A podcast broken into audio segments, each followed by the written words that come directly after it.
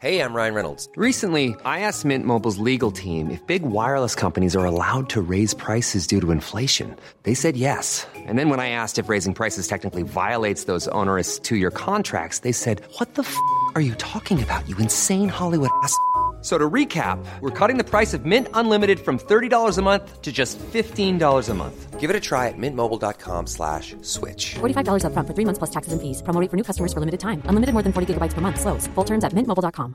When you're ready to pop the question, the last thing you want to do is second guess the ring. At Bluenile.com, you can design a one of a kind ring with the ease and convenience of shopping online. Choose your diamond and setting. When you find the one, you'll get it delivered right to your door. Go to Bluenile.com and use promo code LISTEN to get $50 off your purchase of $500 or more. That's code LISTEN at Bluenile.com for $50 off your purchase.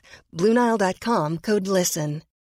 Since 2013, Bombas has donated over 100 million socks, underwear, and t shirts to those facing homelessness. If we counted those on air, this ad would last over 1,157 days. But if we counted the time it takes to make a donation possible, it would take just a few clicks. Because every time you make a purchase, Bombas donates an item to someone who needs it. Go to bombas.com slash ACAST and use code ACAST for 20% off your first purchase. That's bombas.com slash ACAST, code ACAST. Vår partner i juni är Peroni Nastro Azzurro 0,0% Peroni Nastro Azzurro 0,0% är, precis som namnet antyder, ett helt och hållet alkoholbefriat öl. Men det är inte bara ett öl helt utan alkohol, det är dessutom ett otroligt gott öl helt utan alkohol. Ett öl med en smak som är snudd på identisk med originalölet. Ja, och vi har ju faktiskt druckit Peroni Nastro Azzurro 0,0 procent i, jag menar ett bra tag nu faktiskt. Vi kan ju stå bakom den här produkten. Så är det ju verkligen och premiären för oss var ju under F1 i Monza i höstas. Jösses vad eh, god den är. Ja, men eh, den är ju faktiskt inte bara god på Monza. Utan eh, jag skulle säga att den passar perfekt även vid andra tillfällen när man kanske inte vill ha någonting med alkohol i. Peroni Nastro Zorro 0,0% är vad man kan kalla för de alkoholfria ölens mamma. Drottningen i kylen. Den har dessutom italiensk smak och är... Ja, den har faktiskt ett italienskt arv. Vilket vi alltid uppskattar. Det, det är ju sedan gammalt. Och vi hävdar ju oss faktiskt att vara den goda smakens förespråkare. Då kan man ju säga att det rimmar ganska väl med den här ölen. Ja men så är det. Ja, vi var på Monza och ja, det var ett minne för livet. Men nu är det ju så här att även ni lyssnare har möjligheten att uppleva Peroni Nastro Azzurro 0,0% Och ni kan även uppleva en helt äkta F1-bil från Aston Martin i verkliga livet. Håll i er nu! Ja, och vart gör man det här då? Jo, mellan den 16 och 18 juni. Då tycker jag att man ska befinna sig i Kungsträdgården i Stockholm. För då äger evenemanget Il Pitstop rum.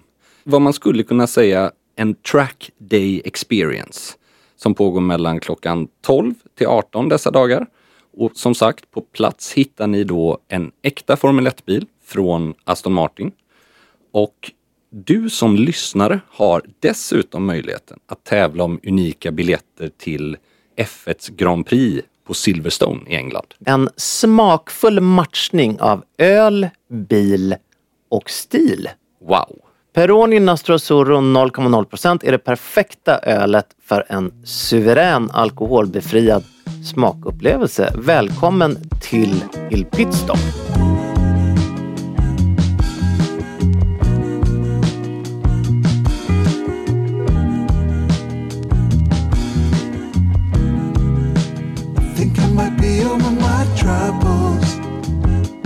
Här sitter vi nu båda två. Jag trodde att du skulle vara i Florens idag. Ja, inte riktigt än. det blir mysigt. Det ska bli kul att komma iväg till Pitti. Det är, jag har inte varit där, ja, på, det här blir ju ett år faktiskt. För jag skippade januarimässan. Men eh, nu bär det av.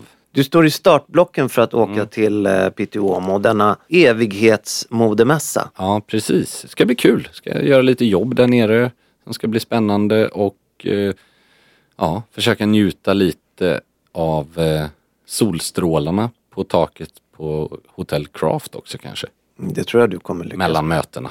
Det tror jag du kommer lyckas Ska göra mitt bästa. Du tipsade ju mig om det hotellet så att jag var ju där förra året var jag där. Väldigt mysigt. Ja, jag, jag har bott på lite olika ställen. Jag räknade ju ihop det här någon gång nyligen. Hur många gånger man har varit på Pitti. Och det är ju över 20 gånger i alla fall. Tiden går. Ja, och de första åren så var jag väldigt frekvent eh, boende på Airbnb. Att vi var ett gäng svenskar som åkte ner för någon var inköpare, någon var jobbade med eget företag och jag som journalist. Då. Så att ja, när man hade lite vänner då kunde man ju hyra en våning i stan, alltså en någons privata bostad som kostade ja, men 500-600 kronor per person. Liksom. Nu, idag ser tyvärr inte situationen ut så riktigt. Det är lite annorlunda idag. Ja. Sen är det väldigt skönt med hotell också.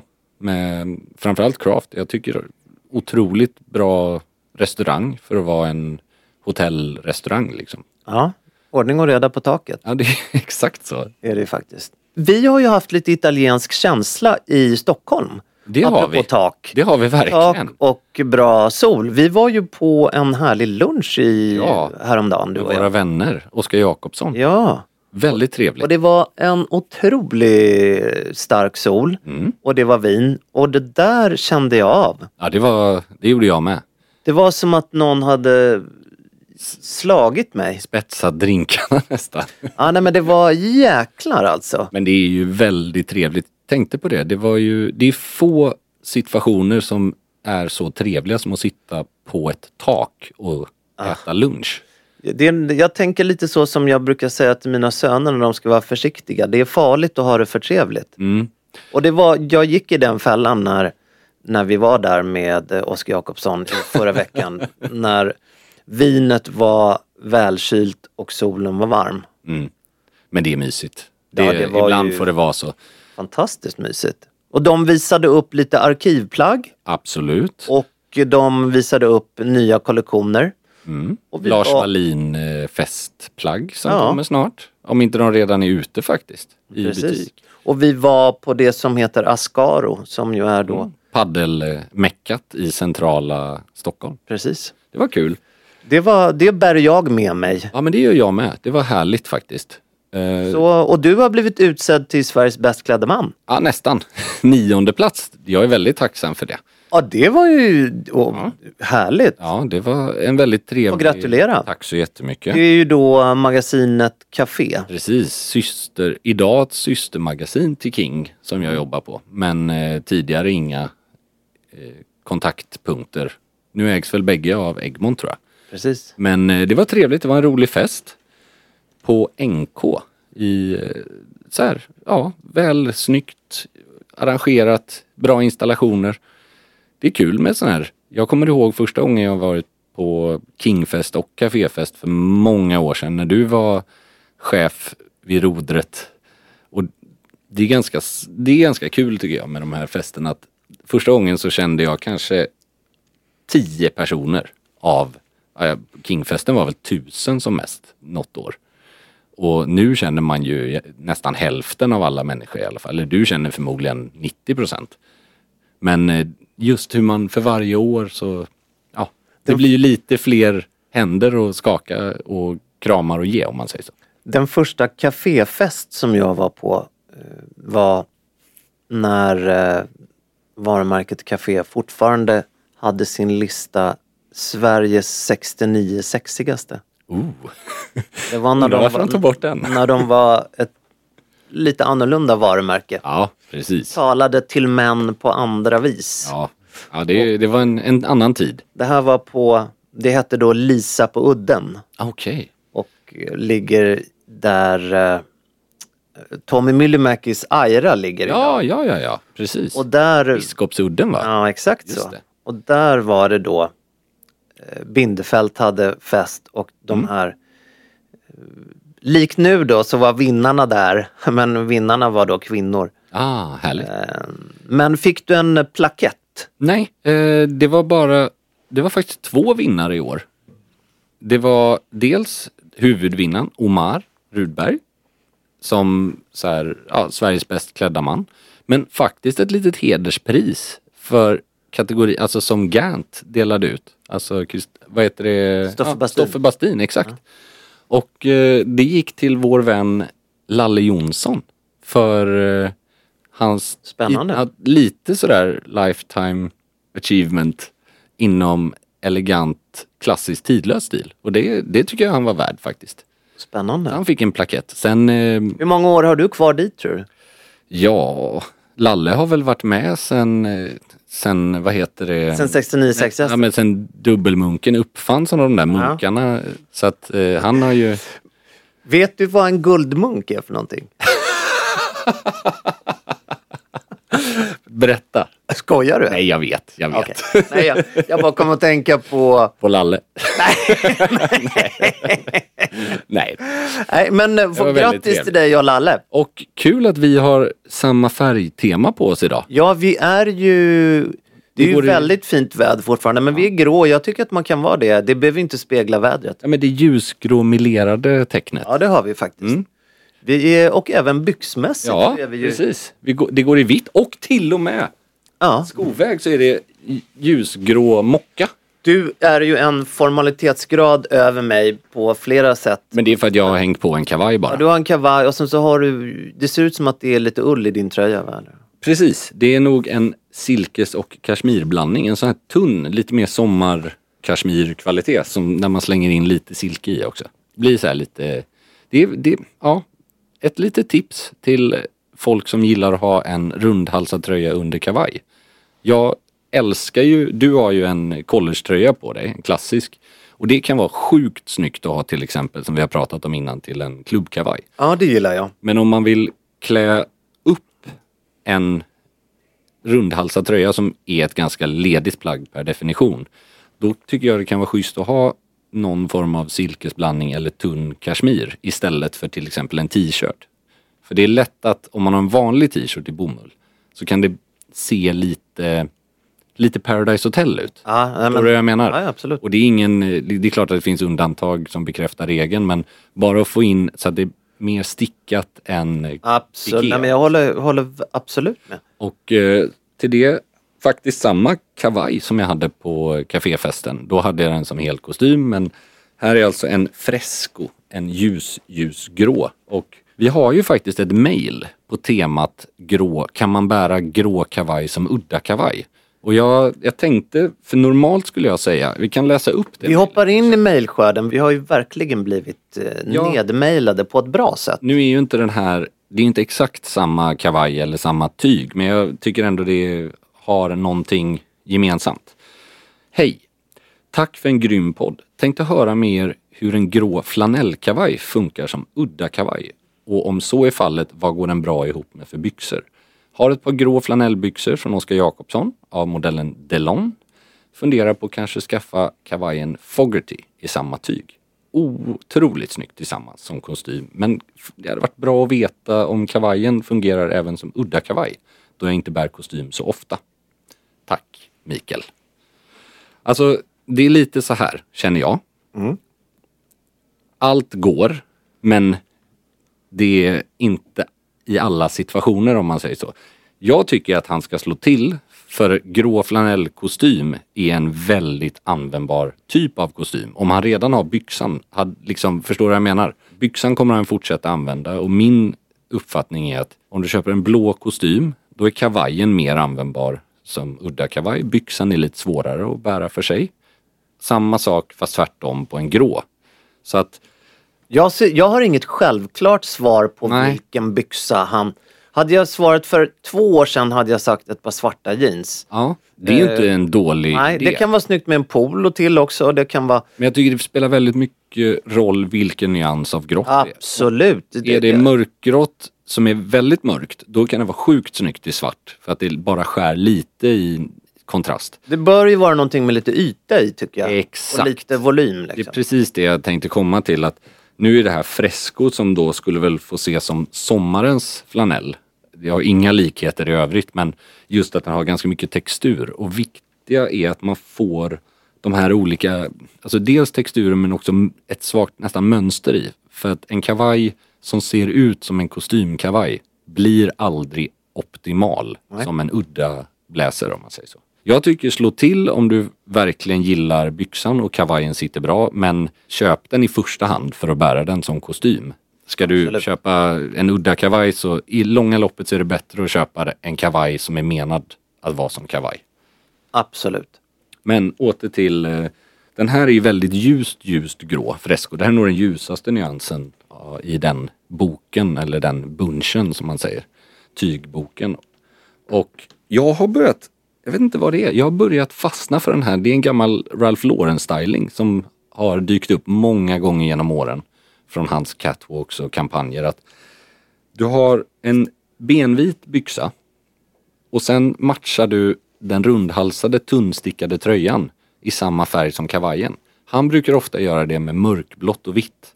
Så han har en mörkblå skjorta ton i ton med till exempel klubbkavaj eller mörkblå kavaj och sen vita byxor. Så man delar upp outfiten i två färger, i två block om man säger så. Det är inte liksom, det är inte superlätt men jag tycker, jag gillar det mer och mer. Och att det är ganska låg kontrast mellan den här, till skillnad från en mörkblå och vit så är ju den här ljusgrå och vit Väldigt, skulle jag säga, elegant och väldigt eh, Rivieran-kompatibel. Men lite så eh, tänkte jag. Jag gillar ofta ljusa färger som är ganska nära varandra i tonerna. Alltså, det ska absolut synas att det inte är samma kvalitet eller att den får inte skära sig men det behöver inte vara så stor skillnad. Det behöver inte vara så hög kontrast mellan eh, de ljusa tonerna. Det är kul. Ett till mejl här. Mm.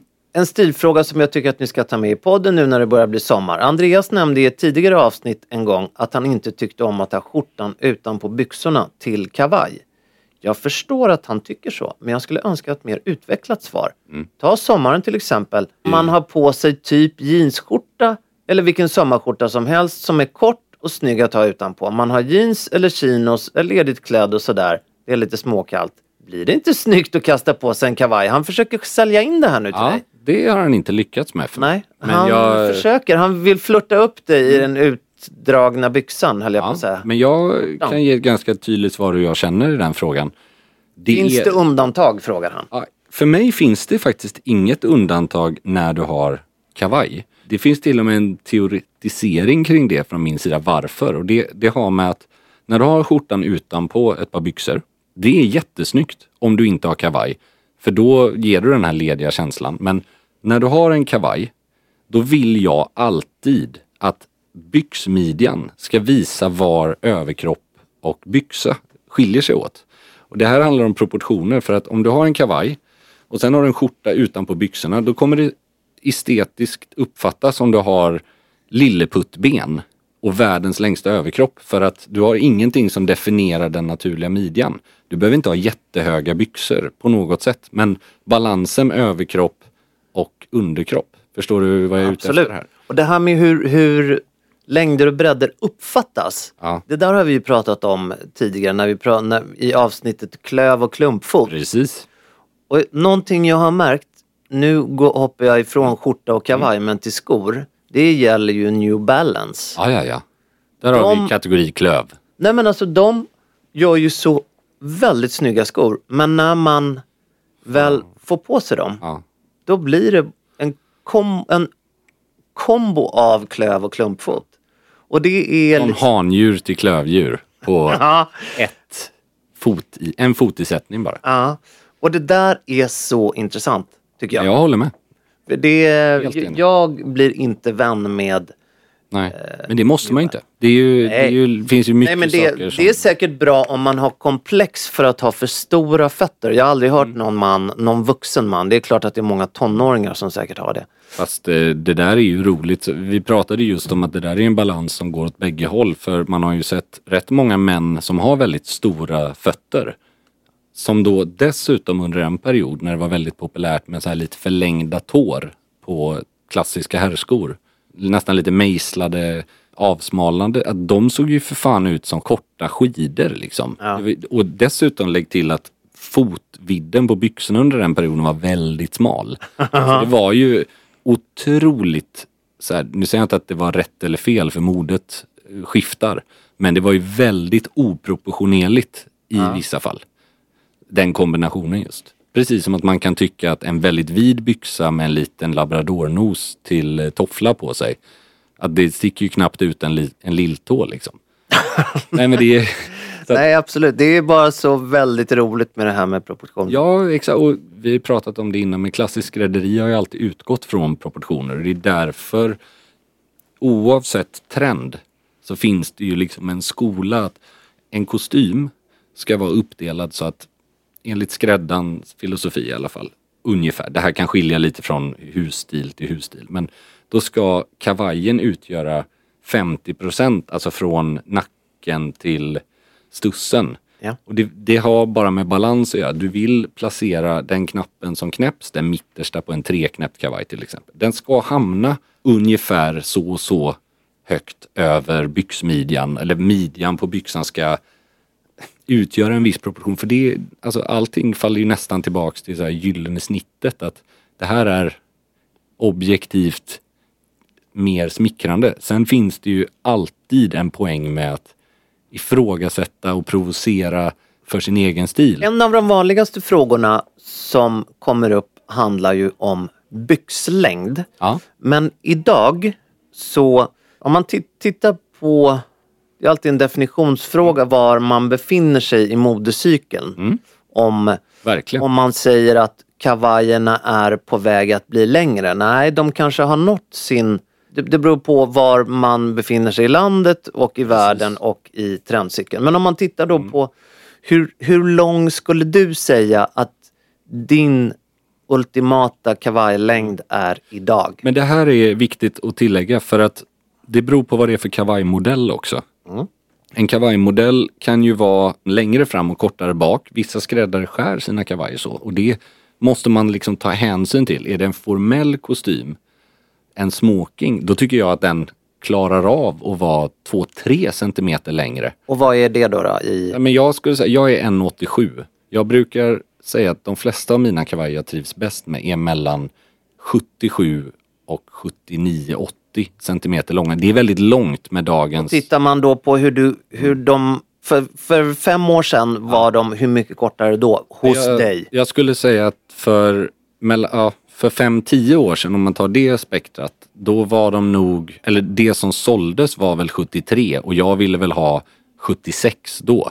Så att jag kan fortfarande leva med 77. Det är inte så att jag inte använder en sån kavaj. Men om jag skulle få göra en måttsydd kavaj så tror jag att jag är min... Det roliga är att jag är mindre kräsen om den är en centimeter för lång idag än åt andra hållet. Då var jag mindre kräsen att den var en centimeter för kort. För att modebilden ser annorlunda ut. Och var ligger den för dig vid knogarna ungefär? Ja men det... Jag, Eller försöker- nej, jag menar inte så. Vad- Hur kan du greppa den med handen? Ja, Liksom? tanken, jag tycker ju att när du håller armarna längs sidan helt avslappnat, Mm. då vill jag oftast att kavajen ska nå precis under, alltså någonstans mellan knogarna och eh, fingerknog. Förstår du vad jag menar? Någonstans ner på, precis ner på fingrarna. Inte så långt så att du ser ut som en basketspelare på 90-talet. Nej. Absolut inte, för då, då ser du bara urvuxen. Du ser ut som du har lånat farsans kavaj. Men det är också så här, är du en dubbelknäppt kostym eller en dubbelknäppt kavaj, då överlappar ju framstycket, vilket betyder att du skär av kroppen. Det här vi pratade om överkropp och underkropp innan. Vad som uppfattas längst. Så det, det finns inte en, ett rätt, liksom, ett svar på det. För oavsett om den är för kort eller för lång så blir det mer märkbart på en dubbelknäppt kavaj när den är stängd.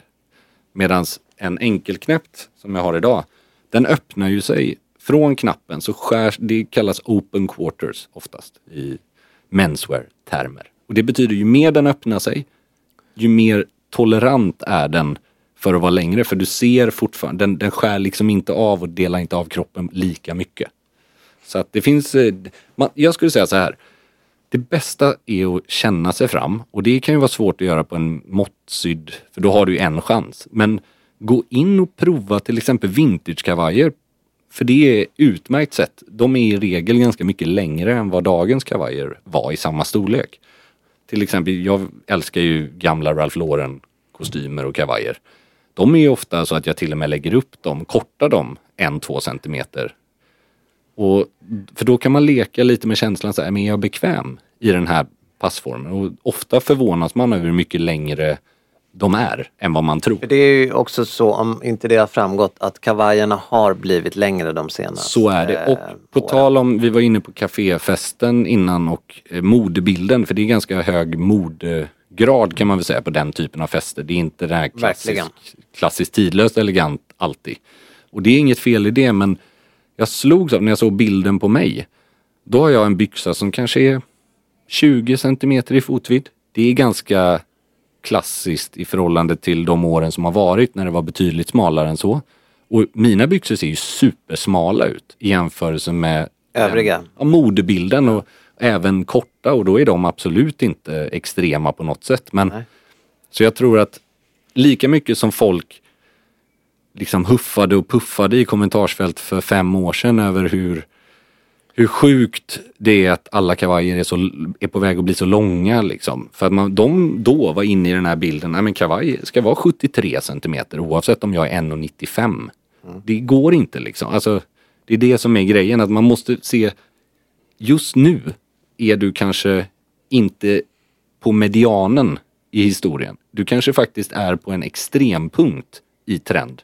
Precis som att det har varit extrempunkter och kanske på väg till, om man tittar framförallt på dam, där väldigt oversized kavajer har totaldominerat nu ett par år. Där finns det ju ingen sån proportionsgrej utan där är det ju mer en effekt som kan vara jävligt snygg absolut men väldigt annorlunda. Life is full of awesome what ifs, and some not so much, like unexpected medical costs. That's why United Healthcare provides Health Protector Guard fixed indemnity insurance plans to supplement your primary plan and help manage out of pocket costs. Learn more at uh1.com. Mother's Day is around the corner. Find the perfect gift for the mom in your life with a stunning piece of jewelry from Blue Nile. From timeless pearls to dazzling gemstones, Blue Nile has something she'll adore. Need it fast? Most items can ship overnight. Plus, enjoy guaranteed free shipping and returns. Don't miss our special Mother's Day deals. Save big on the season's most beautiful trends. For a limited time, get up to 50% off by going to BlueNile.com. That's BlueNile.com. Ryan Reynolds here from Mint Mobile. With the price of just about everything going up during inflation, we thought we'd bring our prices down. So to help us, we brought in a reverse auctioneer, which is apparently a thing.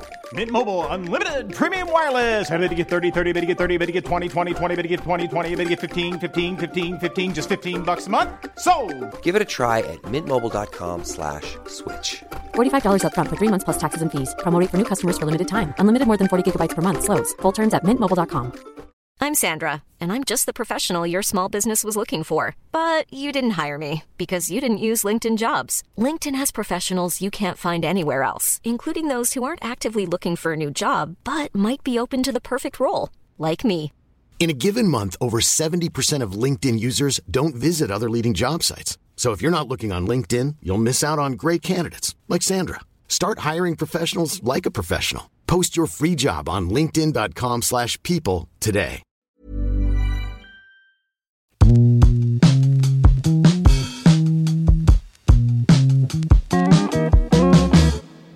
Vi pratade ju för något avsnitt sen om eh, ingen mindre än Johan Lindeberg. Mm. Och vi lovade ju faktiskt att vi skulle prata lite Lindeberg eh, kostym. För Ja, och det är ju idag ett varumärke som, Mm. som inte är särskilt förknippat med kostym överhuvudtaget. nej, jag håller med. Jag Det var ju det för några år sedan, mycket Ja. tack vare Lalle. Lalle. som du nämnde tidigare. Precis.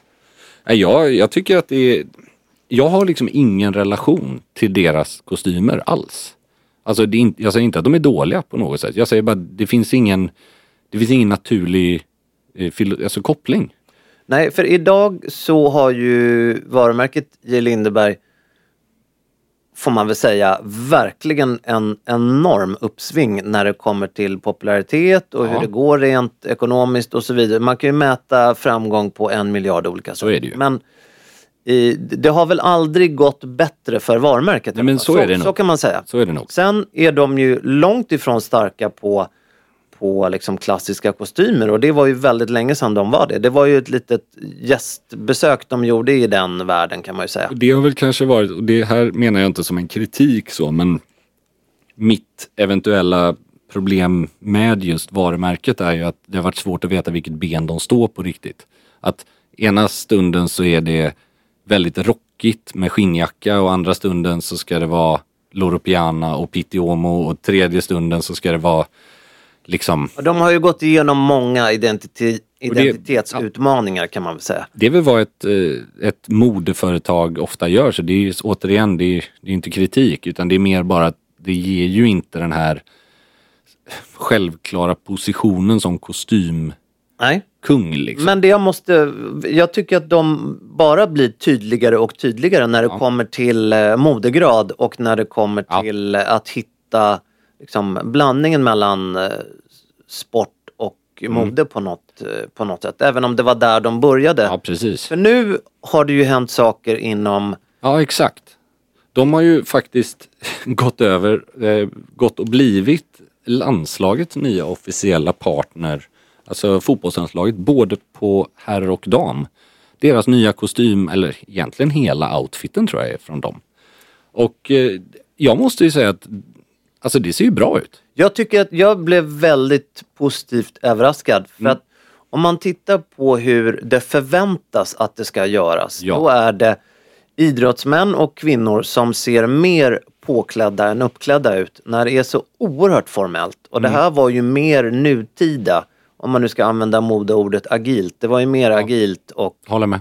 eh, där de eh, hade gjort det med en bra balans med fashion och eh, klassisk stil på något sätt. Och jag kan också tycka att precis det du är inne på när fotbollsspelare i synnerhet som kanske, och det här har inget, ing, återigen ingen kritik mot de här spelarna, men de kanske inte bär slips jätteofta. De är inte superbekväma i just den klädseln. Men att ha mörk kostym och knyta sin egen slips tenderar ju tyvärr ibland att bli lite så här FCZ Tor slipsknut liksom. Om man sett gamla bilder. Jag är ledsen att säga. Många plåtningar där landslaget har varit med. Då har det ju funnits en stylist som har liksom kunnat styra upp de där slipsknutarna för kampanjbilderna. Men ja, det är det jag måste säga. Jag ger Lindeberg det här att de har förenklat det för spelarna.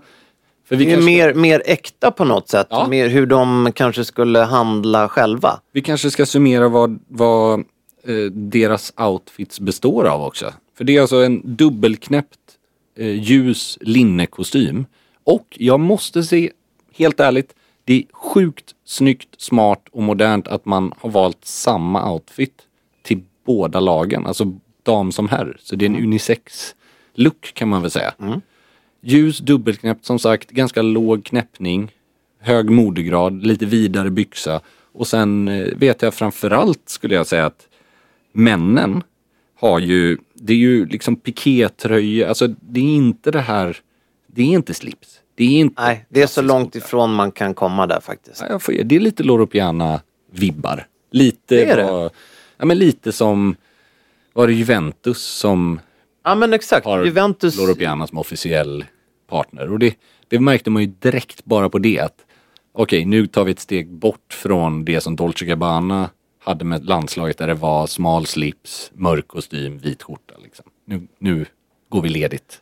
Berättade jag att jag såg eh, världens snyggaste Loro Piana-butik? Ja, det gjorde jag kanske i förra avsnittet. Det gjorde du faktiskt. Jag gjorde det. Vet du vad? Eller Jag, du jag ska berättade inte berätta Du det för berättade dig. inte om butiken väl? Du Nej, men berättade den mannen. var... Jaha, nej, det här Mannen var... med- Ma- Loro Piana-mannen. Nej, det här var den, en, ett magiskt, en, en flagship. Mm. Eh, men de kanske har fått tillräckligt med utrymme nu. Ja, jag måste säga, det har de nog faktiskt. Ja. Men en grej som, det finns aldrig 100% ros. Det måste ges lite ris också. Ja, För fram den med är, ja, jag måste säga, alltså, överlag väldigt snyggt från Lindeberg. Men när jag läste det här pressreleasen, då så ser jag att det står Dessutom har varje kavaj citatet “Winning starts within” på insidan av ryggen som ett budskap. Och jag menar, det är farligt nära att tatuera in carpe diem. Förstår du vad jag menar? Det är väldigt platt för mig. Särskilt när det här ska köpas av folk som inte spelar i svenska landslaget. Alltså det är som att skriva Zlatan på in... Alltså det blir lite för... Det blir lite så här gymnasietatueringsönskemål. Jag kan förstå vad du menar. Eh, Varför ska det man kan ha bli en sån platt klyscha. Ja, precis. Alltså det, det, det är som att nu ska vi tänka till. Jag, vet, jag har gjort det där misstaget med en av mina, eller några av mina första måttsydda kostymer. Att man skulle skriva, man skulle ta ut svängarna så jävla mycket. Något Var det inte ett varumärke som hade, att nu, det här är alltså inget skämt, utan som hade eh, We hope you will get laid eller något sånt. Eh, Det tror jag garanterat. In this uh, Ja, jacket. och sen finns det ju snyggare och lökare takes på samma område. Alltså, du vet, vi har ju pratat om de här Albert Slippers med Screw You. Alltså en skruv och Exakt. ett U. Det är ju, jag tycker ju kanske inte att det är superkul längre, men det var ju i alla fall lite revolutionerande någon gång i tiden. Abs- det var ju själva tanken, idén, det Precis. kreativa greppet var ju Ja. kul med de här slippersarna. Men det är lite det jag menar att problemet när man skriver texter i plagg som inte är personligt kopplade, för det här går ju ut till alla som köper plagget. Det blir ju aldrig speciellt genomtänkt. Alltså, Vet du vad jag skulle ha om jag skulle ha ett Nej. citat? Då skulle jag ha Med hiphop i blodet, inte i fodret. wow.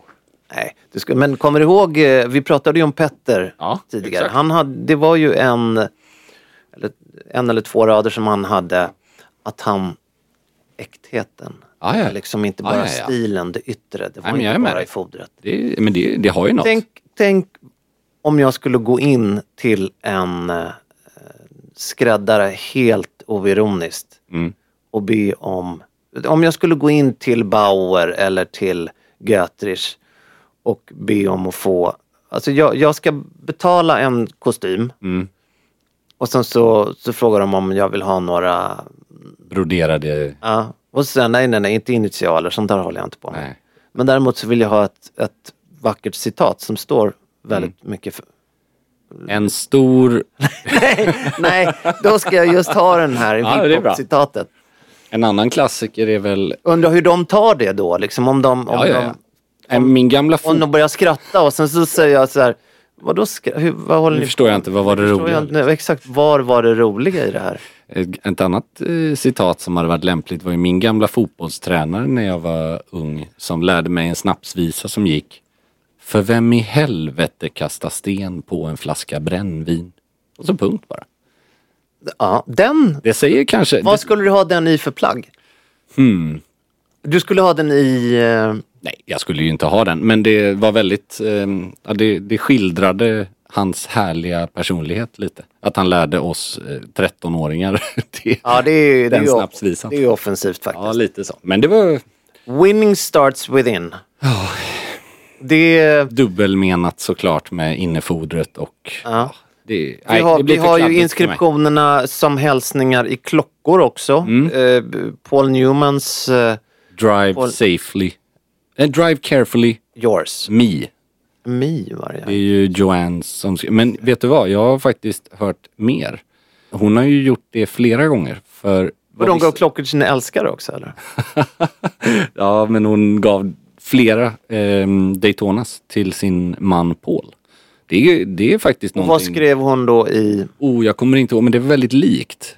Så hon gjorde flera liknande. Det här var inte vid samma tillfälle utan senare i hans racingkarriär. För att jag tror att det här är, jag, jag, inte, jag kan inte ta gift på det här, men jag tror att det fanns en anledning till att det alltid var en Rolex Daytona som han bar. Men han hade alltså fyra olika generationer av den klockan. Så den mest ikoniska är Paul Newman Daytonan som kom, eh, ja, skulle säga, jag tror hans är från 69 eller var från 69. Men sen hade han en Big Red som är en annan tavla och så hade han en senare version också så att det finns bildbevis på. Och då tror jag att, jag tror inte det var jättedåligt för Rolex att han bar den första. Säg att hon köpte den första så kanske hon fick lite hjälp på traven. Det här är bara min spekulation. Det finns ingen, det var kanske inte ett officiellt samarbete så men han var ändå fan, prinsen av Hollywood och kanske den han var ju lite som en blandning av Roger Federer, Brad Pitt och ja, Michael Schumacher typ. Alltså för han hade ju all, han hade ju Federers positivism. Han var ju oerhört högt aktad. Han gick i medborgarrättsrörelsen 1963. Alltså fantastiskt. Medan Steve McQueen må vara king of cool. Men han var ju också ett jävla rövhål om man får läsa Verkligen. lite i det finstilta liksom hur han behandlade allt från kvinnor till Kollegor. kollegor. Ja. Och de var ju inte bästa vänner de två. Kan man. De firade inte midsommar ihop. Men eh, ja, det är lite liten anekdot kring honom i alla Ja. fall. Att, Jag tror att eh, sån här klädbroderier. mm, det ska man ge fan i. Ja, Nej men jag tror faktiskt det. Och jag, jag har ju kommit till den eh, åsikten, Mm. eller insikten om man nu vill så, att all form av såna här, Monogrammering eller? ja, jag är där nu. Ja, nej men jag, jag vet inte om jag är där. Det enda är att min syn på det där är att det bara i sådana fall får vara för dig. Det finns ingenting snyggt i att visa upp för någon annan dina initialer. Om mina barn skulle fråga mig, pappa vad ska jag ha för, då skulle jag säga, då skulle jag uppmuntra dem. Mm. Så att de testar det och gör det, alltså jag vill inte döda deras Nej. eh, glädje i att få se sina initialer i eh, nacken eller Nej men jag är med dig. vad det nu är. Jag är med dig. Det är en Men- men- process också. Man, alltså har man aldrig gjort en Nej. skräddarsydd eller måttsydd kavaj så förstår jag. Jag har ju varit där som sagt också. Men jag tycker det är roligare på produkter som inte är lika naturliga att ha det på. Förstår du vad jag Ja menar? men frågan är, ja, då blir jag ju nyfiken, vilka är sådana? Men till exempel att ha en tändare med ett monogram på. Om man har det. Eller att ha det på porslin under till. Kan vara väldigt smakfullt tycker jag. Mm. Som en servis som ingen ser, som bara du vet.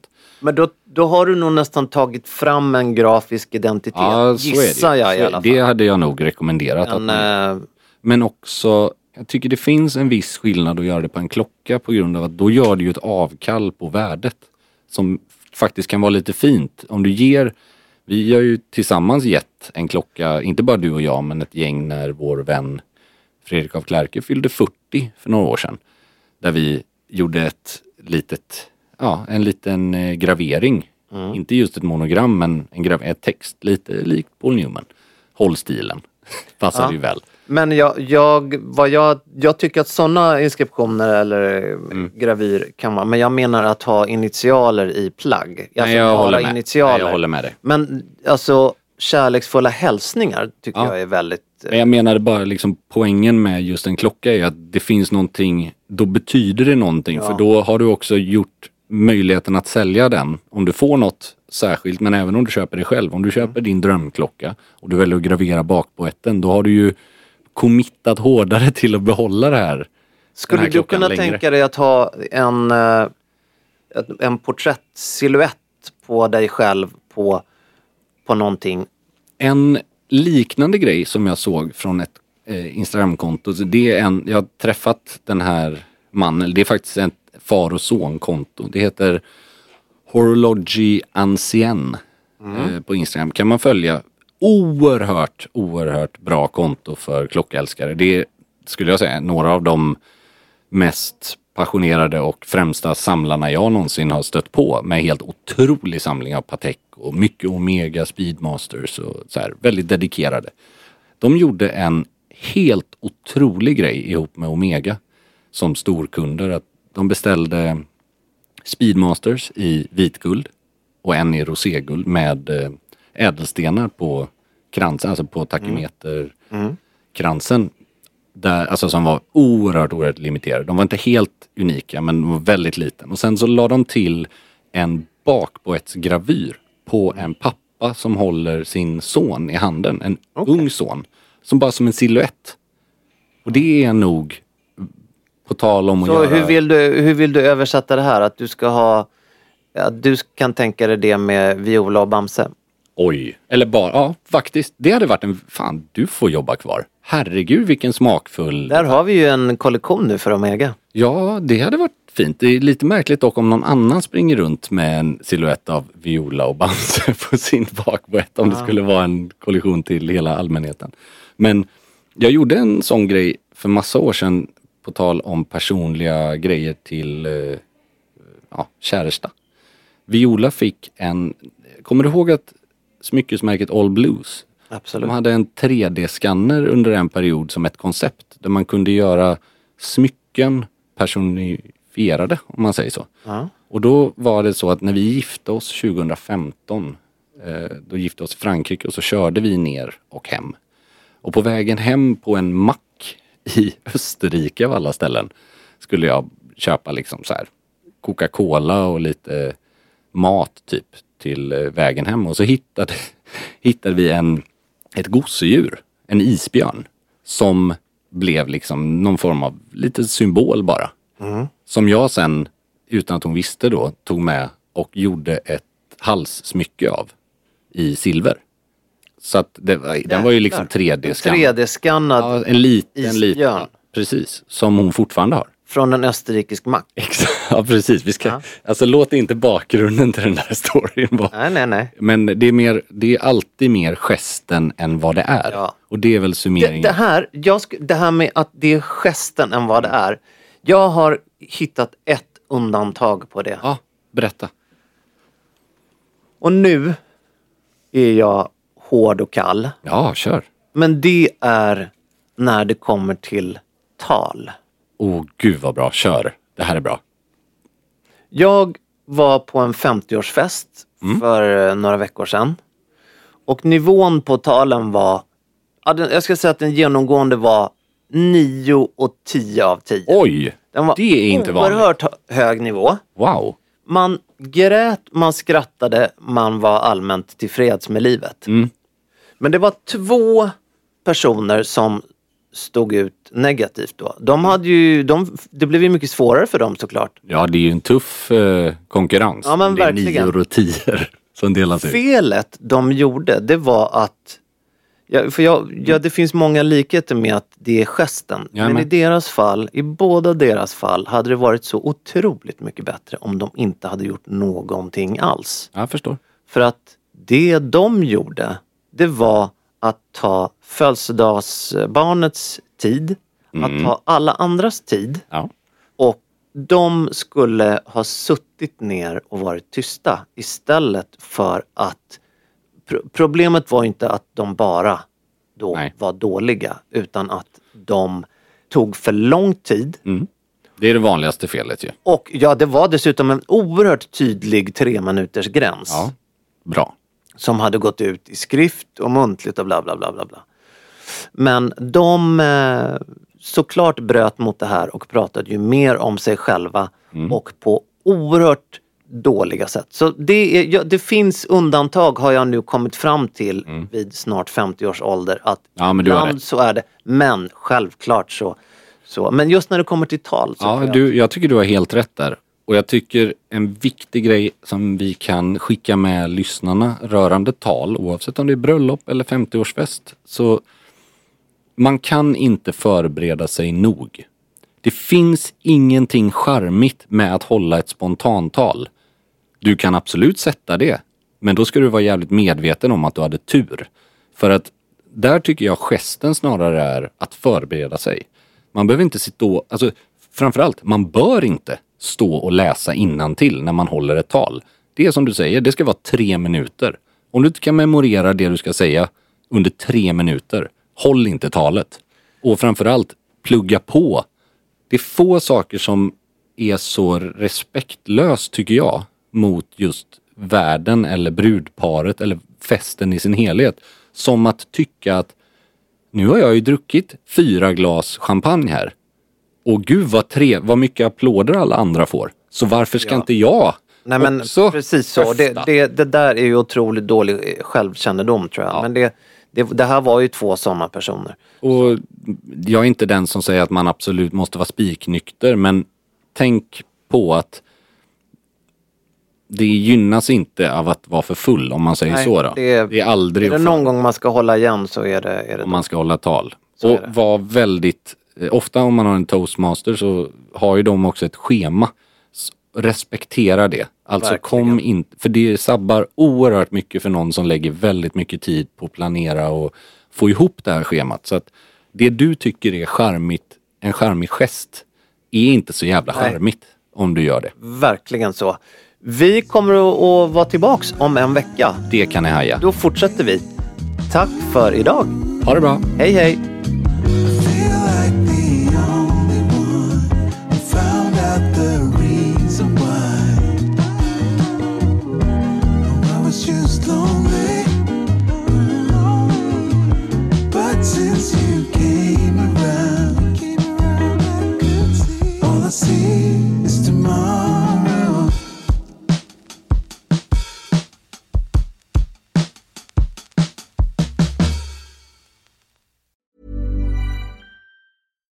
Hey, it's Paige DeSorbo from Giggly Squad. High quality fashion without the price tag. Say hello to Quince.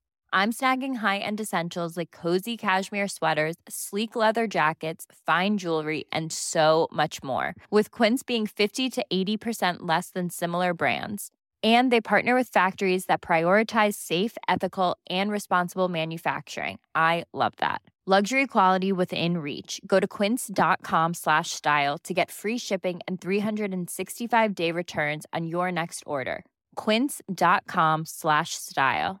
Mom deserves the best, and there's no better place to shop for Mother's Day than Whole Foods Market. They're your destination for unbeatable savings, from premium gifts to show-stopping flowers and irresistible desserts. Start by saving 33% with Prime on all body care and candles. Then get a 15-stem bunch of tulips for just $9.99 each with Prime. Round out Mom's menu with festive rosé, irresistible berry chantilly cake, and more special treats. Come celebrate Mother's Day at Whole Foods Market.